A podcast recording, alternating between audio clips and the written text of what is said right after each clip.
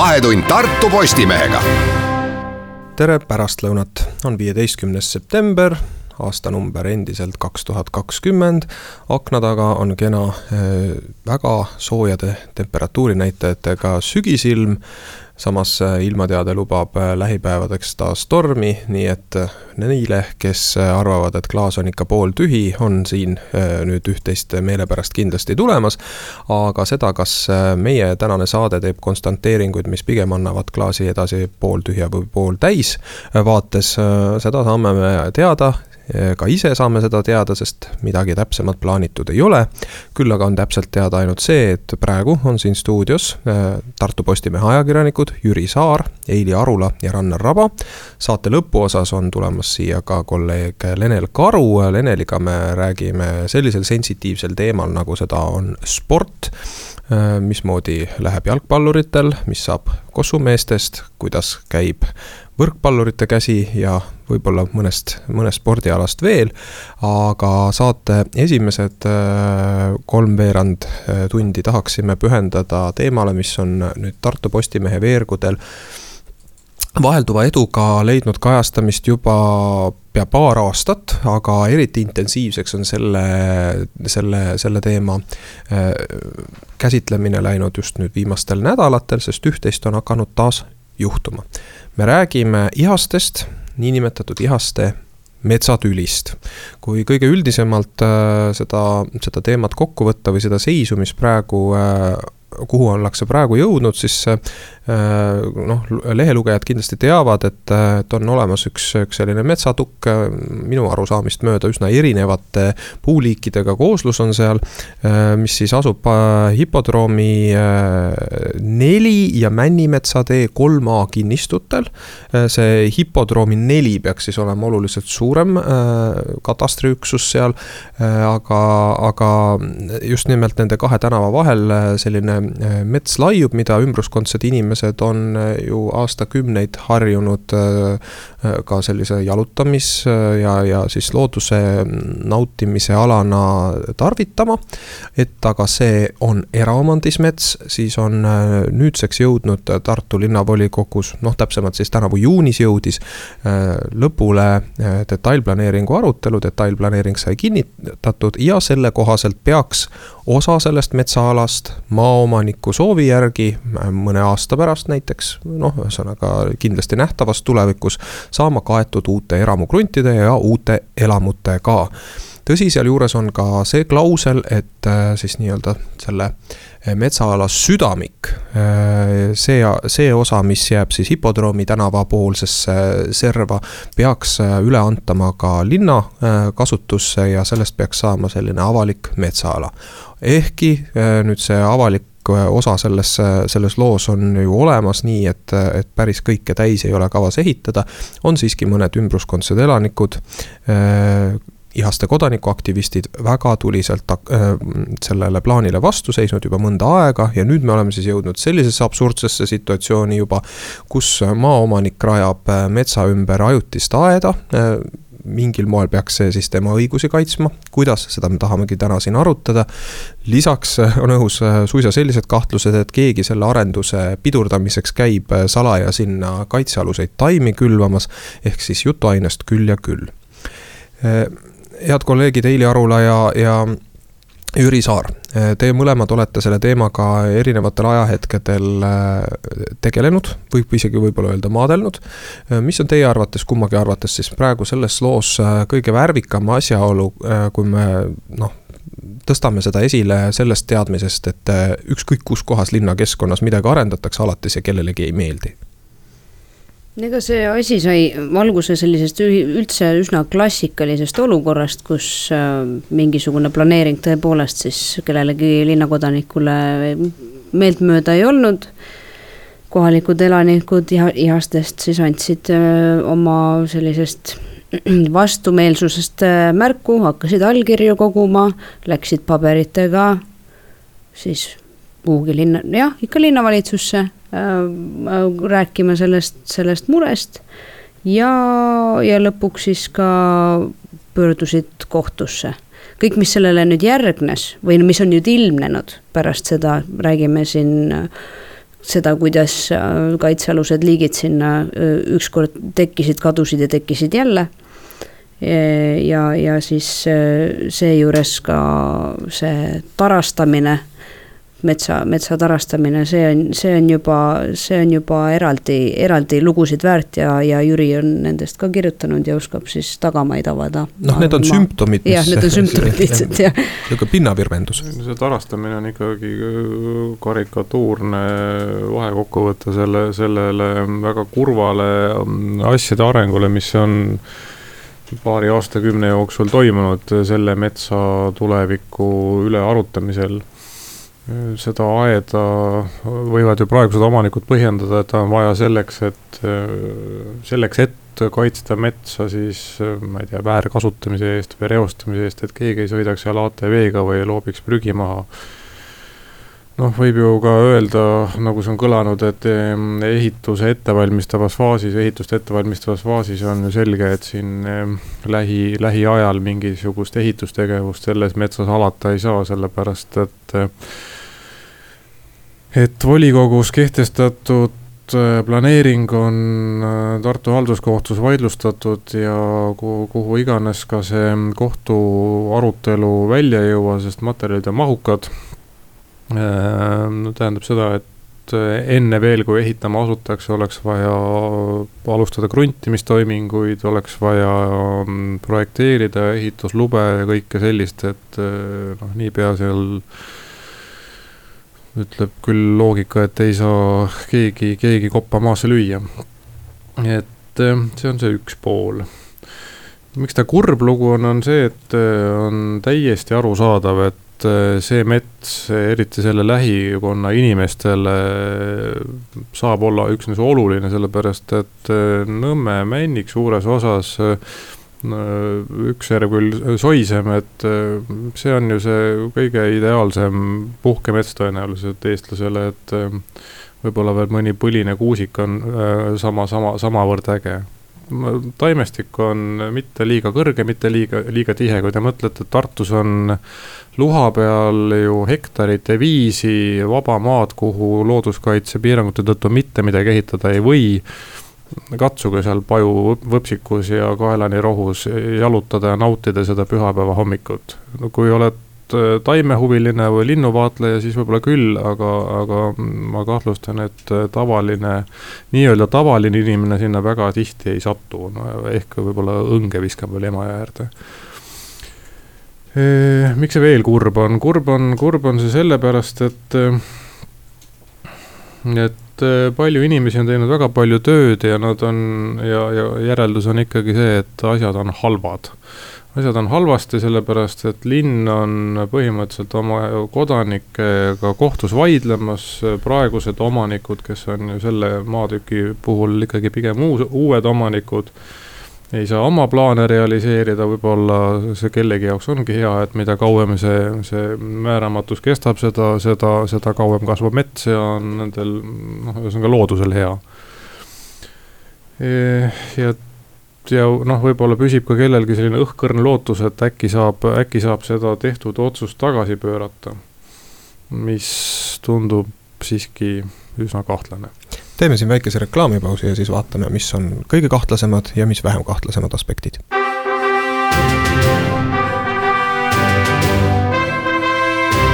vahetund Tartu Postimehega saade jätkub sedasi, et stuudios on ajakirjanikud Jüri Saar, Heili Arula ja Rannar Raba. arutleme ikkagi endist viisi selle üle, mis toimub äh, niinimetatud ihaste metsatüli kontekstis ja võib-olla siis kõige kesksem küsimus, millest ei saa üle ega ümber, on see, et et kellele ja miks neid maju sinna üldse tarvis on, miks me oleme selles situatsioonis, kus me oleme? Jüri, sina tead ajaloolist tausta hästi. siin võib minna lähi, lähiminevik oli tänavu suvel, kui Reno Laidre ütles, et Tartu, Tartu linna huvi on, et Tartus oleks rohkem elamukrunti ja rohkem elanikke, et kui me mõtleme, et seal on kakskümmend kaheksa elamukrunti praegu planeeritud äh,, igas majas keskeltläbi võiks noh, ideaalses maailmas olla vähemalt viis elanikku, aga võib-olla neli, tegelikult kõigis ei pruugi niigi palju olla, sad-, sadakond äh, uut, uut, uut tartlast, kes võiksid olla siis sel-, selles uues asumise Ehm, arvestades kruntide suurust ja asukohta, nende tõenäolist hinda, siis ilmselt keskmisest rikkamad tartlased, head maksumaksjad, sest kehvikul ja noorel tudengil sinna väga võib-olla asja ei ole. Kas tegelikult on vaja ehitada just nimelt sinna, see sõltub vist selle, täpselt sellest, et kas sa oled omanik või sa ei ole omanik, et kui sa oled omanik, siis loomulikult on sul vaja sinna ehitada, sellepärast et saad kas endale kodu või siis saad ehitada need kodud, mida maha müüa ja realiseerida, teenida tulu ehm, kas Tartu linnale on need tingimata seal vaja vist mitte, sellepärast et ela-, noh, kõik, kõik ilmselt nõustuvad, et äh, see, Tartusse võiks elanikke juurde tulla, küllap ikka võiks küll. Kas Tartus on vaja uusi maju ehitada, kindlasti on vaja, kas need peab ehitama just nimelt selles metsas, no see on juba kahtlasem lugu. tagasi pöörata on seda kõike mõneti keerulisem, kui see selle planeeringu koostamine algas kaks tuhat neli on olnud äh, volikogu otsus äh, siis äh, planeeringu mm, algatamise kohta kaks tuhat neli, see on kuusteist aastat. see on ikka väga pikk planeerimisprotsess. väga ammu, aga küll mitte Tartu rekord, siis, ähm, siis olid asjaolud teised, omanikud olid teised, tegu oli tagastatud,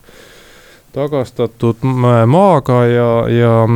Tartu Tartu äh, linnaametnik Indrek Rannik on mõni aasta tagasi kirjutanud ka sellesama metsa kohta, metsa, metsa ja selle planeeringu loo kohta siis äh, järgmise mõtte, et selle metsatuka likvideerimine ja hoonestamine oleks ennekuulmatu pretsedent, aga maa tagasi saanud mees mäletab seda alla lapsepõlve karjamaana ja näitab mulle rohtunud küünivaremeid, krunti, mis peaks kindlasti olema tema tulevase maja asukoht absoluutselt oleks sellele härrasmehele olnud äh, seda, seda krunti vaja ja see ja, ja sellisele nostalgilisele vaatele raske vastu vaielda. Kas sellel samal härrasmehel oli kakskümmend kaheksa maja tarbis, vist mitte mm,. nüüd me jõuame sellesse, uuesti selle küsimuse juurde, et kui, kui, kui me peaksime siis lähtudes sellest, et detailplaneering ja üldse planeering on ühiskondlik kokkulepe, peaksime leidma, et ei, meile on see mets tähtsam siis peaks äh, esitama küsimuse, et mis siis saab, äh, kuidas me, kuidas me kokku lepime, mis juhtub edasi, oletagem, et praegustel omanikel ei lubataks sinna ehitada kas üldse maju või sellisel määral maju, siis sellisel asjal tõenäoliselt on hinnasilt. keegi peaks selle justkui kinni maksma. Mm, seal on, ja seal on veel teine küsimus, et äh, üldplaneering ja detailplaneering, ühiskondlik kokkulepe sisaldab endas ka teatavat lubadust, et, et me teeme nii seda lubadust on keeruline tagasi võtta, sellest on Kadri Leetmaa, volikogu liige Kadri Leetmaa ka hiljaaegu lehes kirjutanud, et, et, et, et üldplaneeringut ju tegelikult linna praktikas on muudetud küll selleks detailplaneeringute kaudu, enamasti on selle asja mõte pigem laiendada siis mingisugust ehitamise võimalust, aga siin oleks justkui teisesuunaline, et kas, kas me siis kas me siis tohiksime mõelda sedasi, et me küsime, küsime näiteks kahekümne kaheksast krundist äh,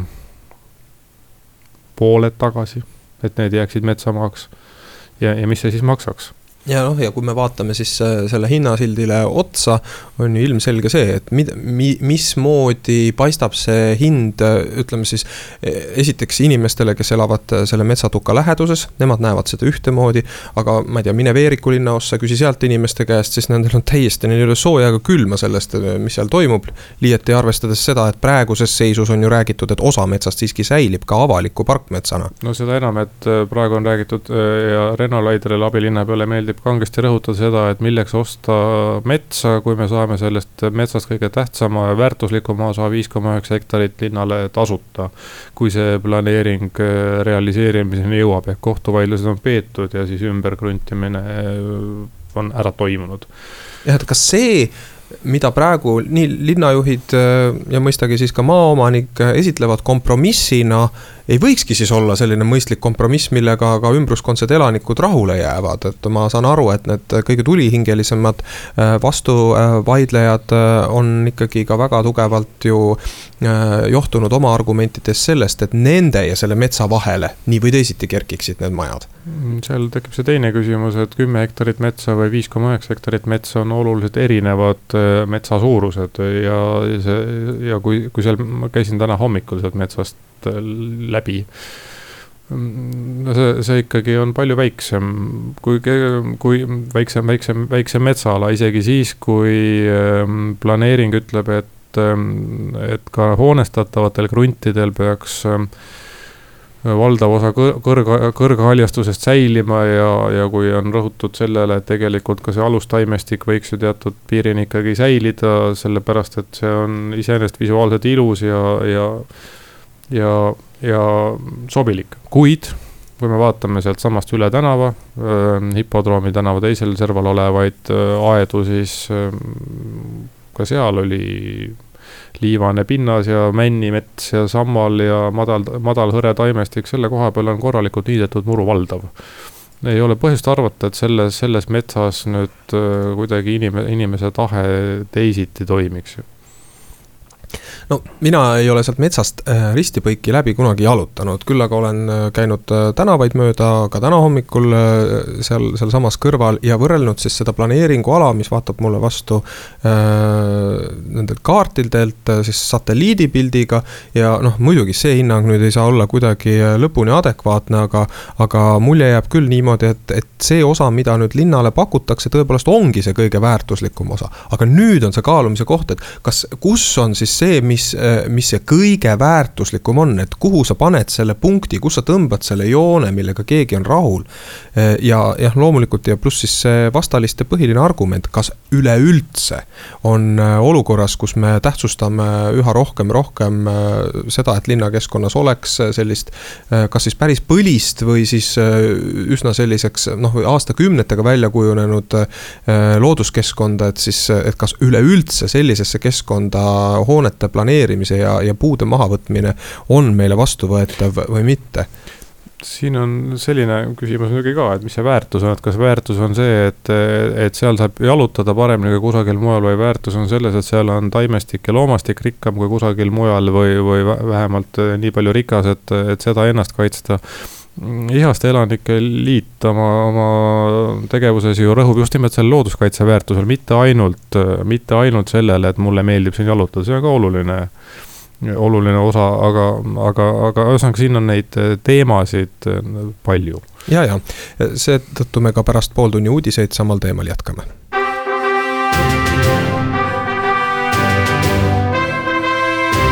vahetund Tartu Postimehega tere tulemast tagasi, stuudios Jüri Saar, Eili Arula, Rannar Raba, Ihaste äh, metsatülist. Jätkame juttu. Mm, nüüd on üks äh, huvitav aspekt, mis sellega ju nii-öelda kõrvalteemana kaasas käib, eriti arvestades äh, tänavust suve, on see, et, äh, et kuidagi see on väga skisofreeniline see, see üldine vaatepilt, kui me vaatame linnavalitsuse positsiooni, et ühelt poolt me ju oleme jõudnud olukorda, kus äh, kesklinnas lastakse parkides äh, noh, taimestikul vohada, räägitakse sellest, kuidas keskkond äh, vajab mitmekesistamist, et, et nende vanade normide juures püsimine, nii nagu me oleme aastakümneid harjunud linnakeskkonnas, ei ole enam põhjendatud, sest sest liigirikkus vajab hoidmist ja, ja, ja just nimelt suurendamist, siis me teeme autovabaduse puiesteed, et noh, ühesõnaga oleme oma retoorikas üha rohkem ja rohkem rohelised ja siis kusagil teises linnaservas äh, seisab linnavalitsus just risti vastupidiselt julgelt selle eest, et, et saaks äh, haljasala maha võetud ja sinna asemele majad ehitada. ma jätan siin kõrvale praegu selle õigusliku poole, ma saan ju poliitikutest iseenesest aru, et kui on omand, eraomand ja eraomanikul ei ole planeeringuvastaseid plaane, siis ega seal linnal on käed suhteliselt seotud, aga olgem siis ikkagi ausad, ma ei tea, kolleegid, olete te minuga nõus, et linn on siin ikkagi noh, linnavõim kõige laiemas mõttes, ma pean silmas nii volikogu kui linnavalitsust, on ikkagi väga raskes situatsioonis, selg on vastu seina. Ma ei oska öelda, kas see selg nüüd vastu seina mida siin tuleb ju ikka seesama, et mis on, mis on linnavalitsuse eesmärk selle planeeringu menetlemise ja kehtestamise juures olnud, et kui eesmärk on olnud jõuda kompromissile, et me saame natuke elanikke, natuke elamuid juurde ja me saame tasuta metsaala juurde, siis noh, kuskile tuli see, mm, ma ei tea, vabandust väljendusest, porgand tordi sisse lüüa, et vot see on minu pool ja see on sinu pool ja. aga see ongi ju poliitikute valik alati, selleks ongi meil vaja tarkasid poliitikuid, et porgand maanduks õigesse kohta jah, ainult et praegu oleks, praegu on nagu see küsimus, et kas ta selle tordi sisse, see porgand nagu üldse sobis väga hästi, et võib-olla oli vale tort valitud, et et äh, aga need otsused on juba ju ajas tehtud, et see muudab selle asja problemaatiliseks, et mm, tegelikult on ju kui seda planeeringu, planeeringule kaarti silmitseda ja, ja, ja mõtiskleda selle üle, et mis, mis, mis edasi peaks üldse juhtuma, see planeeringuala kaart on muuhulgas äh, märgitud äh,, sinna kaardile märgitud äh, kaitsealuse mägi piimputke kasvualad näiteks, et igale poole, kus, kus tohiks ehitada, ei tohigi ehitada. Ja, ja, ja, ja see võib takistada omanikel oma, oma soovide ja plaanide realiseerimist, et nüüd see, see viimane, viimane avastus, mis on siis äh, olnud või, või, või ütleme, kahtlus või järeldus, botaanik äh, Rein Kalamehe järeldus, et äh, ihast äh, sealsamas metsas ei tarvitse olla kõik kaitsealused taimed üldse mitte looduse poolt levitatud, vaid äkki inimene on kuidagi kaasa aidanud ja äkki ka kindlal eesmärgil, ta küll ütleb, et ta ei saa seda kuidagi tõendada, sellepärast et, ähm, et ei ole pildistatud ja ei ole jälge, aga teadmised botaanikast ja taimede levimisest, noh, aitavad selle, seda, seda väita siis äh, lisab see ju veel ühe sellise kummalise mõõtme siia, siia asjale, et, et äh, loodusväärtused on muutunud ootamatult relvaks äh, selles, selle planeeringu kontekstis. et kujut-, kujutame ette lauset, pahatahtlik inimene külvab äh, kaitsealuseid taimi, see on ju jabur. Aga, aga, aga nüüd, nüüd, nüüd kui siit edasi minna, siis ma olen äh, proovinud selles teemas natuke veel küsitleda, et mis, mis siis on, mis siis on, mis, mis siis on need järelmid sellest ja järeldused ja mida, mida siis, mida siis võiks ütleme siis vastutavad ametnikud ja, ja taimeteadlased ähm, selle, selle kohta kosta, et ja ütlevad seda, et tõepoolest, kui ikkagi esimese kaitsekategooria taim kasvab, siis äh, igasugune ehitustegevus on välistatud. see on esimene järeldus, sealt on võimalikud teatud tingimustel erisused, mööndused, äh, on võimalik midagi ette võtta. teine äh, huvitav teadmine tänases päevas on see, et see pole Tartu kandis mitte ainumas koht, kus, kus samasugused kahtlused on kerkinud. sellest ilmselt lähipäevil on ka võimalik lehest lugeda. ja, ja, ja see on, see on ju päris kummaline no minule see seletab võib-olla ka pisut seda omaniku soovi aed ümber ehitada kogu sellele alale, et kui noh, ikka tõepoolest, nagu sa ütlesid, see kõik on ju väga jabur, et kui me räägime sellest, et et keegi käib kellegi teise maa peal külvamas kaitsealuseid taimi selleks, et nurjata seal muid plaane, et siis see ju kõik ei ole loogiline ja, ja ei vasta sellele, mis, milles oli nagu küsimuse algne püstitus aga nojah, et häda on siin selles, et nagu sa, Jüri, ju seda ka väga täpselt kirjeldasid, et see, see, see lugu on tohutult pika habemega ja need aspektid, milles võiks praegu ju kellelegi midagi süüks panda, panna, on sellised, mis otseselt siis ühegi praeguse võimulolija, otsustaja ega ka praeguse omanikuga otseselt ei seostu. Need otsused on lihtsalt omavalitsus toimib ju järjepidevalt, et keegi, keegi mingil ajahetkel on äh, on olnud kõige paremas usus ja teadmises mingisuguste algseisukohtade kujundamise juures ja seda planeeringut on lihtsalt edasi kantud meie, meie, aga meie. Läheme nüüd selle juurde, et, et, et oletame, et see planeering äh, jääb jõusse, et äh, kohus langetab otsuse, et, et linnavõim ja omanik on siiamaani äh, oma, oma plaane seadnud igati seaduspäraselt. ja need hooned tõepoolest sinna kerkivad ja tõepoolest selle metsa süda ma nüüd peast ei mäleta seda numbrit, mitu hektarit see oleks, tõepoolest tuuakse siis avalikku äh, kasutusse, see jääb linna omaks, seal kindlasti ei saa olema mingeid aedasid ümber, aga Eili, mis sa arvad? sa oled ka seda kohta vaadanud, äh, selle teemaga tegelenud, kuivõrd see üldse saab olla mõeldav, et see, äh, mis sellest metsast järgi jääb, on sellise tähendusega, mis võiks veel pakkuda mingisugustki väärtust neile, kes vahetult selle ümbruses ei ela, ehk siis nendes uutes praegu planeeritavates kahekümnes kaheksas eramajas jah, selles mõttes ähm, tõepoolest see metsaosa, mis peaks siis alles jääma sinna, loodetavasti siis ka jääb. Ähm, ta ei paista enam nendele inimestele, kes selle metsa eest praegu võistlevad, ta ei paista enam neile kui mets, on mingisugune eemal olev, võib-olla üksikute kõrgemate puudega selline paigakene ja see ilmselt selle metsaala kasutamine saab siis esmajärjekorras olema siis nende praegu ehitus või, või planeeringu järgus olevate uuselamute privileegiks siis käia see on seal. nagu nende oma privaatmetsakene pri, seal. privaatne metsake või, või, või metsaga kaetud õueala. See oht vist on küll seal, et sest et nad tõesti, need krundid paiknevad sedasi kaares, poolkaares ümber selle, selle metsa ja selle, selle siis selle metsa südamiku. ja see hakkab suure tõenäosusega, kogu see ala hakkab ikkagi läbi paistma ühest servast ilmselt teise serva hooned hakkavad näha olema, eriti arvestades seda, et peamiselt on tegemist ju männikud, männikuga, kus siis allpool väga tihedat äh, haljastust ei ole. ja just, no iseenesest lihtsalt need kodanikud, kes ja ihaste rahvas, kes selle, selle planeeringu vastu väga tugevasti võitlevad, nad ei Nad äh, tegutsevad seda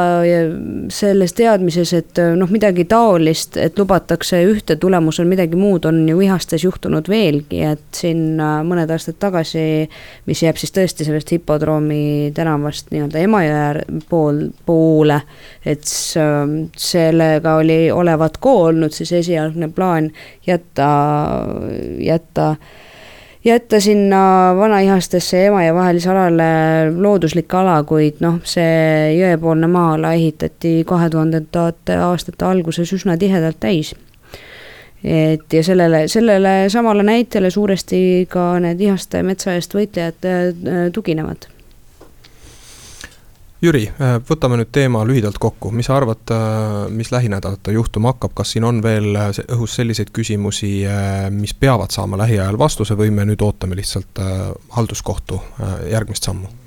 selle, loomulikult on kohtu, kohtu järeldused öö, olulised, et selle planeeringuga saaks edasi minna ma ütleks, ma ikka tahaks äh, siit üksikult üldise peale ka minna, et äh, kui praegu li, lin, linnavalitsus räägib seda, et viis koma üheksa hektarit metsa tuleb avalikku kasutusse tasuta, aga kui me teeme selle arvutuse sellest metsaala suurusest tagasi, siis me jõuame järeldusele, et aga see, mis kaotatakse, see on neli hektarit metsa, see on päris, päris palju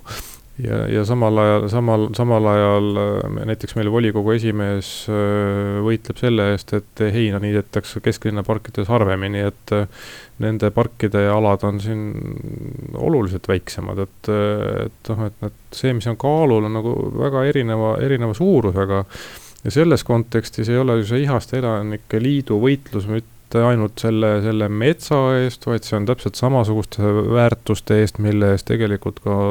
linnavõim Raekojas võitleb, et elurikkus ja, ja loodushoidlikkus ja, ja roheline Tartu, mis on ju loosungites peaaegu kõigil valimistel, mis muuhulgas äh, uued valimised on lähenemas et äh, mingit, mingit pidi käia, äh, võideldakse justkui sama asja eest ja ometi on jõutud teravasse konflikti linnavalitsus oma elanike vastu. Mhm. põhimõtteliselt ise, ise, isegi kui me seame küsimuse alla, et äh, kui, kui suurt osa Ihaste elanikest see Ihaste elanike liit tegelikult esindab, siis äh, oma selles võitluses ka kindlasti on nende, nendel toetajaid päris, päris arvestatav hulk. vaieldamatult ja lõppude lõpuks isegi see arv ei ole ju tähtis, et, et ega siis, kui äh, keegi tunneb, et võim temast äh, mingi planeeringuga üle sõidab, siis, siis ka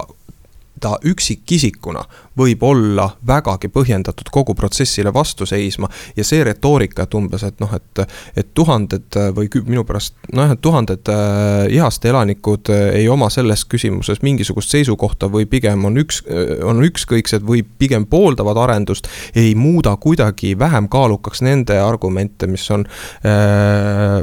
kes, kes on vastu. aga nüüd Jüri, viimane mõte. Need sarnased vastandused tegelikult kipuvad ju korduma, need korduva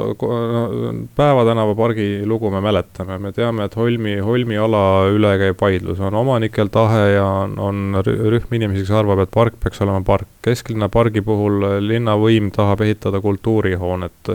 on inimesed, kes arvavad, et park võiks olla park, et tegelikult eh, me oleme eh, Tartu linnas väga paljudes kohtades eh, suhteliselt sarnaste vaidluste ees ja me peame ikkagi kaaluma seda, et mis on mis, eh, mida me tahame saada ja millise hinna, kõigil nendel rohealadel on väärtus ja nende kaotamisel on oma hind. Nii on, aitäh, Jüri Eili, et aitasite seda teemat käsitleda, karta on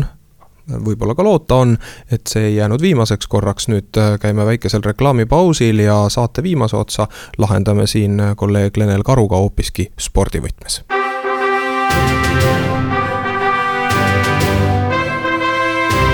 Vahetund Tartu Postimehega tere jälle, nii nagu äh, enne reklaamipausi sai äh, lubatud, äh, ongi siis teoks saanud tõsiasi, et nüüd on stuudios Rannar Raba ning Lennel Karu ja räägime pisut siis saate nii-öelda pinge mahatõmbamiseks spordijuttu. sügis on ütleme siis oma tuure üles võtmas ja koos sellega loomulikult ka selline aktiivsem spordihooaeg. ja Lenel, sina oled meie toimetuses see inimene, kes on ennast pidanud kurssi viima väga erinevate spordialadega, aga täna tahtsin, tahtsin, et me pisut põgusalt räägiksime ikkagi nendest äh, peamistest spordialadest, mis alati on Tartus sellist ikoonilist äh, rolli kandnud, ehk siis äh, ma pean silmas korvpalli, võrkpalli ja jalgpalli. eks need ole muidugi need alad, mis igal pool on need, millele jagub rohkem tähelepanu kui mõnele teisele, sest tegemist on ju meeskondlike aladega, mis võimaldab muuhulgas ka püsti panna sellist korralikku fännielu. Äh, Tartus on kõigil neil oma tugevad fännklubid olemas olnud läbi aastate ja nii korvpallurid, võrkpallurid kui jalgpallurid on ka koju toonud äh, väga väärikaid võite. samas kõigi nende puhul on põhjust ka praegu rääkida sellest, et äh, ajad äh, on mingis mõttes turbulentsed või küsitavad, et äh, ma ei tea, Lenel, kust otsast sa tahaksid pihta hakata. milline nendest kolmest nimetatud alast praegu tundub olevat kõige rohkem uudiseid pakkuv Tartus? no praegu pigem kõik spordi treenerid ja sportlased elavad äh, nädal korraga, kuu korraga, sest äh, ei tea ju, kas äh, isegi Balti liigasid saab pidada, kui näiteks Läti võistkonnad või Leedu võistkonnad ei saa tulla Eestisse. nii et tegelikult on kõik selline muutuste tuules liikuv, aga mis on huvitav, on see, et juhuslikult just paljude pallimängude võistkondade treenerid on muutunud, ehk siis võistkondade koosseisud on samamoodi täiesti uued. et see tõotab tegelikult päris palju põnevust tuua, et äh, nii korvpallis, kus on siis ka äh, Toomas Kandimaa kõrval nüüd äh, Tiit Sokk ametis ülikooli korvpallimeeskonna siis esin-, esindajate juhtimisel, kui ka võrkpallimeeskonnas, kus see aasta on ainult eestlased. et kui me eelmine aasta rääkisime sellest, et kunagi võiks juhtuda selline olukord, kus välismängijaid ei ole vaja võtta, sest Eesti poisid on kõigeks olemas, siis nüüd meil on võrkpallis see näide täiesti võtta. nii et äh, ma arvan, et kui vähegi saab publik nüüd äh, küll maskidega, aga siiski mänge vaatama minna, siis on, mida oodata no korvpalli puhul on ju olnud väga suured vaidlused selle üle, et kas äh, võõrlegionäridest äh, loobumine ja, ja siis peaasjalikult ikkagi äh, noh, ülikooli enda peale selle meeskonna ülesehitamine on põhjendatud või mitte, et kas kunagi sellise kontseptsiooni juures Tartu võiks jõuda tagasi sinna, sinna noh, sellisele tasemele, mida me mäletame Tartu Rocki kuldaeg, aegadena. et kuidas no sulle praegu tundub see, see vaidlus, et meie leheveergudel viimasel ajal noh, arvestades ka seda, et suvi on olnud ja siin kõik koroonahädad on meil kaelas olnud. on arusaadav, et sellest ei ole väga palju juttu olnud, aga kas siin on põhjust, et võiks jälle vaidlemiseks minna? ma arvan, et see vaidlus jääb selgelt äh, ja see jääb nii kaua, kuni see meeskond saavutab tulemusi. ja sageli ei mõelda selle peale, et kuna tegemist on noormängijatega, siis äh, kõik võtab aega ja, ja etteheited puudutavadki just seda, et äh, miks keskendutakse ainult noortele või miks ei võeta siis nii-öelda tugevaid legionäre appi, et äh, see vaidlus äh,, need kaks leeri on selgelt Tartus olemas ja jäävad, aga ilmselt kui ülikooli meeskond teeb väga häid tulemusi, näiteks oma noortega, siis on kõik esimesed plaksutajate hulgas. Mis seis on jalgpalliga, noh, Tammekale on väga suuri lootusi ju premium-liigas asetatud praeguse seisuga on jällegi minu arvates äh, arusaamised üsna erinevad, et mida siit veel on võimalik välja õngitseda jah, peab tunnistama, et äh, Tammeka on siis nii-öelda nagu rahvakeeles öeldakse, päris palju puid alla saanud see hooaeg. sest äh, tõepoolest nad seadsid endale selgelt kõrgema koha tabelis, kui neil praegu premium-liigas ehk siis koduses meistriliigas on ja samamoodi ka koduväljakul neid äh, võite, mida need fännid ja kõik inimesed jalgpalli publiku hulgas Tartus ootavad, äh, neid ei ole olnud kindlasti piisavalt. et jalgpalli olukord ilmselgelt on keeruline ja nagu me ka viimaste uudiste valguses oleme kuulnud, siis mitte ainult Tartus, vaid äh, üldse Eestis, et praegu on pigem küsitav, kas premium-liiga üldse mängitakse lõpuni, kui, kui mõned meeskonnad on nakatunud koroonaviirusesse see neetud koroona kogu aeg, aga siin koroonaga seoses äh, peab ju muuhulgas rääkima ka sellest, et, et see, see, see elu ja melu, mis käib äh, pallimängudega kaasas, on ka saanud ju oma hoobi, kuni noh, selliste pisiasjadeni välja, me peame täna ju uudiseid kirjutama, et, et, et fännid ei tohi pasunat puhuda tribüünidel ja, ja kus peab maski kandma ja kus ei pea kandma ja kui palju ikka tohib äh, lärmi teha ja kui palju ikka ei tohi, et kas see ka päriselt nüüd sportlikke tulemusi võiks võiks mõjutada? ma arvan, et mängijatele, nii palju kui ma olen rääkinud kõikide sportlastega, siis nad on väga ootusärevuses, nad saaks üldse mängida, et selgelt, selge on see, et äh, osadel inimestel on see töö nagu iga teine ja kui sa ei saa mitu kuud seda teha, Äh, siis äh, eks meel muutub nukraks ja sportlased tahavad mängida, olgu seal publik või mitte. aga mis puudutab fänne, siis jah, korvpallis on see eriti traditsiooniline, et on trummid, pasunad, äh, igasugused muud vidinad. ju tuleb siis leida alternatiive ja kõvemini plaksutada ja kõvemat häält kasutada maski tagant sama teema jätkuks ju on paslik küsida, et kuidas meil on väljavaated teiste oluliste spordisündmuste korraldamisel, ma ei tea, noh alates sellest, et kas Miss Valentine'i õnnestub korraldada või mitte, kuidas läheb Tartu maratoni kuubikusarja sündmustel, noh sel nädalavahetusel, täpsemalt siis pühapäeval, ma saan aru, rattamaraton, Tartu rattamaraton toimub ikkagi täpselt nii, nagu ta on alati toimunud, ehk siis sportlaste jaoks iseenesest midagi ei muutu, praegu see justkui nii õnnestub õnnestub, aga me ei tea, mis toimub edasi, et. et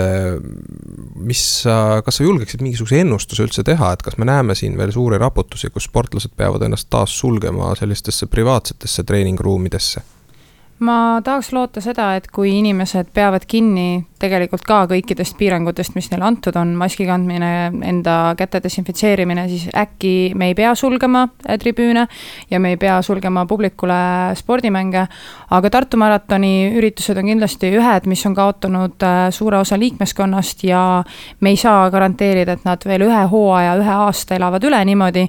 kui nad peavad tegema virtuaalsündmusi. nii et äh, loodame, et on siiski võimalik tuua ka rahvusvahelisi võistlejaid Eestisse ja viia sport tagasi sinna, kus see tavaliselt on olnud. no tõsi, jah, et see, see tõdemus ju puudutab tegelikult kõiki eluvaldkondi, me võime siin rääkida kinost, teatrist, spordist äh,, minu pärast lõpuks ka haridusest äh, sellega on meie aeg tänase saate jaoks täis tiksunud, aitäh Lenel, et aitasid siin saate lõppu vormistada, järgmisel nädalal oleme Tartu Postimehe ajakirjanikega taas loomulikult eetris.